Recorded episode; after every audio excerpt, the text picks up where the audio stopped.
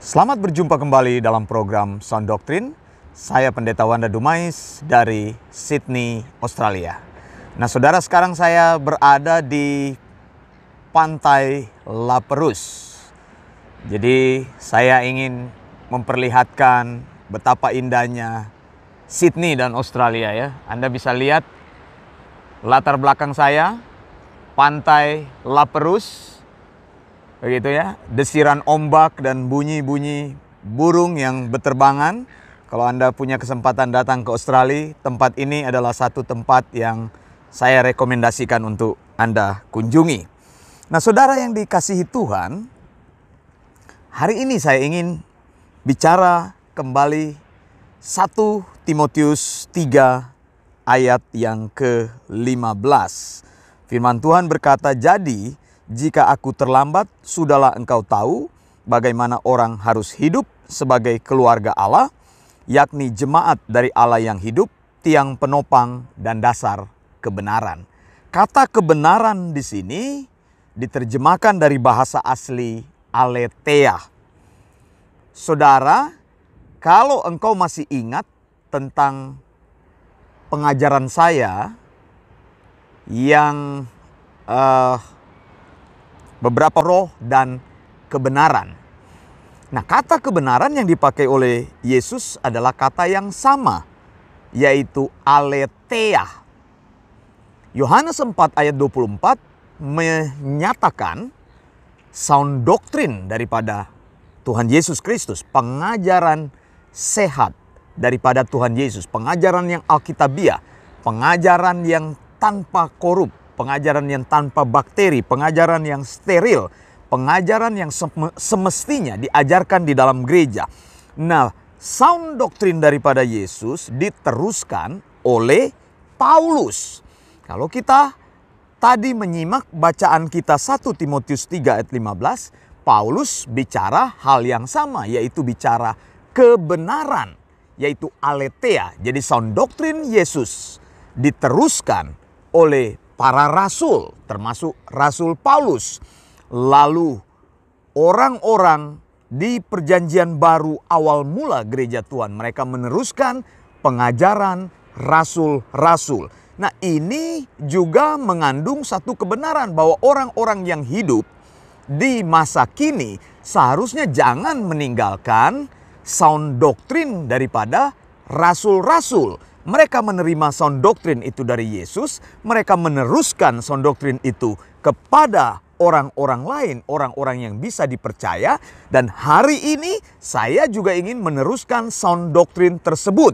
Jadi kebenaran yang dimaksud adalah aletheia. Ya, aletheia itu artinya apa?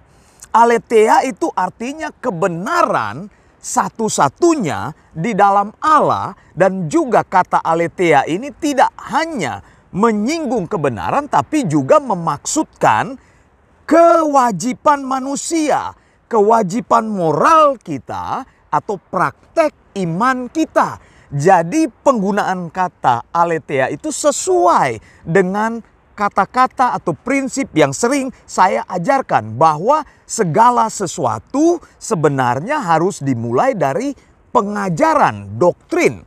Ya sound doktrin. Sesudah ada pengajaran maka akan muncullah praktek kebenaran. Praktek-praktek iman yang kita lakukan sumbernya itu adalah bersumber dari sound doktrin. Jadi doktrin itu sesuatu yang penting sekali. Saya mau katakan sekali lagi, didaskalia higiainose, ajaran yang sehat. Didaskalia itu doktrin atau ajaran. Nah saudara sekali lagi, kebenaran yang dimaksud bukan hanya kebenaran yang bersifat prinsip, kata alitea itu, tetapi kebenaran di sini adalah kebenaran yang dimengerti dan kebenaran yang dipraktekkan.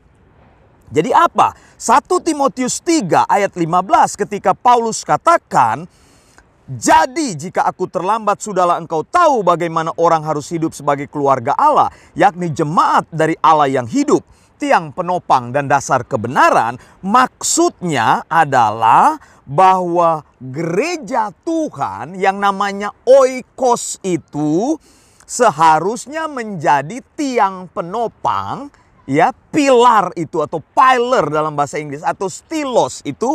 Dan dasar kebenaran ini menunjukkan bahwa gereja itu adalah benteng penjaga kebenaran ya gereja itu adalah tempat di mana kebenaran itu dipublish jadi saya mau tunjukkan di sini Aletheia itu seharusnya keluar dari gereja, dipublish oleh gereja, lalu kebenaran itu harus disupport oleh gereja, lalu kebenaran itu harus didefended oleh gereja. Jadi dipublish, gereja harus menyatakan kebenaran, gereja harus mensupport kebenaran, jadi gereja harus mempertahankan kebenaran. Gereja adalah benteng penjaga kebenaran. Gereja adalah benteng penjaga moral. Gereja adalah benteng penjaga etika. Jadi saudara kalau satu gereja tidak mengajarkan aletheia ini, maka orang tidak akan mempunyai referensi kebenaran. Orang tidak tahu mana yang benar dan mana yang salah. Kalau gereja itu kompromi, maka praktek-praktek jemaat Tuhan di dalam gereja tersebut terjatuh dalam praktek yang kompromi. Saya sudah sampaikan gereja yang dimaksud itu adalah menunjuk kepada orang, ya. Oikos yang Tuhan bilang church of the living God itu rumah Allah itu lalu disambung dengan kata eklesia. Eklesia selalu menunjuk kepada orang, bukan menunjuk kepada gedung. Jadi bisnis utama gereja, ya pelayanan utama gereja adalah menyampaikan kebenaran kepada manusia berurusan dengan manusia, membuat manusia-manusia atau jemaat Tuhan mengerti prinsip kebenaran, sound doktrin lalu mempraktekkan itu dalam praktek iman yang benar. Jadi pertanyaannya sekarang, saudara uji apakah gerejamu sudah disisipi praktek-praktek dunia dan menjadi sangat duniawi? Kalau di dalam gerejamu sudah banyak praktek-praktek dunia yang diadopsi, sudah menjadi sangat duniawi, maka di dalam gerejamu sudah tidak ada lagi aletheia yang saya sampaikan. Tidak ada lagi sound doktrin. Gereja sudah mirip dengan nightclub. Gereja sudah mirip dengan bar. Gereja sudah mirip dengan restoran. Ada yang bilang ke saya, Pak Wanda katanya, kalau bicara mengenai persepuluhan, katanya banyak pendeta ajarkan, kamu makan di sini bayar di tempat lain. Ini seperti di restoran, gereja sudah menjadi satu ladang bisnis. Ini harus dilihat kalau tidak ada lagi aletheia, engkau tidak perlu bertahan di tempat itu. Karena bisnis utama gereja itu adalah manusia. Ya people, mission begitu. Misinya adalah manusia memberitakan kebenaran kepada manusia. Bukan bisnis gereja itu memperbesar gereja. Orang cuma sibuk bagaimana membangun gereja, bagaimana membuat kebaktian-kebaktian menjadi kebaktian yang apa itu spektakuler, tempatnya di mana, musiknya itu dibagusin, tapi firman Tuhannya memble. Tidak ada firman yang diajarkan di situ, tidak ada kebenaran yang diajarkan. Gereja harusnya menjaga kebenaran dengan ketat sehingga pelan-pelan mengubah sikap duniawi menjadi sikap yang sesuai dengan kebenaran aletheia. Orang yang masuk gereja itu diubahkan. Orang yang masuk gereja itu mengalami pembaharuan, bukan di dalam gereja. Justru orang menjadi tambah berdosa, jatuh di dalam dosa. Begitu saya sudah sampaikan kalau gereja tidak kuat di dalam prinsip-prinsip kebenaran mengenai pernikahan, maka orang melihat bahwa menikah itu dengan kumpul kebo itu sama. Begitu apa bedanya? Kalau gereja memberkati orang yang sudah menikah, gereja memberkati orang yang sudah bercerai, lalu bagaimana apa bedanya prinsip kebenaran dengan prinsip dunia? Nah, ini saudara harus kita lihat Begitu gereja itu bukan lembaga catatan sipil yang hanya menjadi tempat untuk menikahkan orang. Begitu menyelesaikan persoalan manusia. Waktu orang sudah hamil datang kepada pendeta, Pak Wanda tolong nikahkan anak saya. Saya tanya kenapa? Ya sudah hamil Pak, tolonglah Pak. Ya nggak bisa seperti itu. Begitu.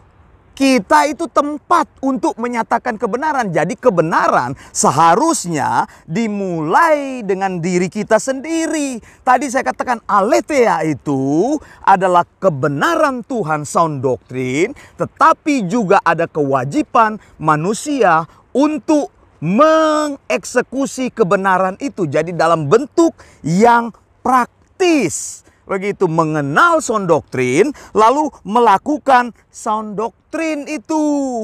Jadi semuanya harus dilakukan dengan prinsip-prinsip yang benar. Gereja diikat oleh kebenaran Tuhan, maka gereja harus melakukan prakteknya berdasarkan sumber-sumber kebenaran Tuhan. Jangan Anda berpikir Anda bisa membayar sejumlah uang kepada gereja atau pendeta untuk menyelesaikan masalahmu saudara. Jadi ini harus betul-betul kita lihat ya setiap hari Tuhan akan murnikan hidup kita melalui kebenaran-kebenaran yang keluar dari dalam gerejanya, yang keluar dari dalam umatnya. Kalau umatnya tidak mendukung kebenaran itu, saya katakan tadi, publish kebenaran, tidak supported kebenaran, tidak defended kebenaran, maka kebenaran itu akan tinggal nama. Tidak ada lagi orang yang percaya kepada kebenaran. Maliaki 3 ayat 3 saya bacakan. Ia akan duduk seperti orang yang memurnikan dan mentahirkan perak. Dan ia mentahirkan orang Lewi, menyucikan mereka seperti emas, seperti perak, supaya mereka menjadi orang-orang yang mempersembahkan korban yang benar kepada Tuhan. Jadi pemurnian terjadi di dalam gereja Tuhan.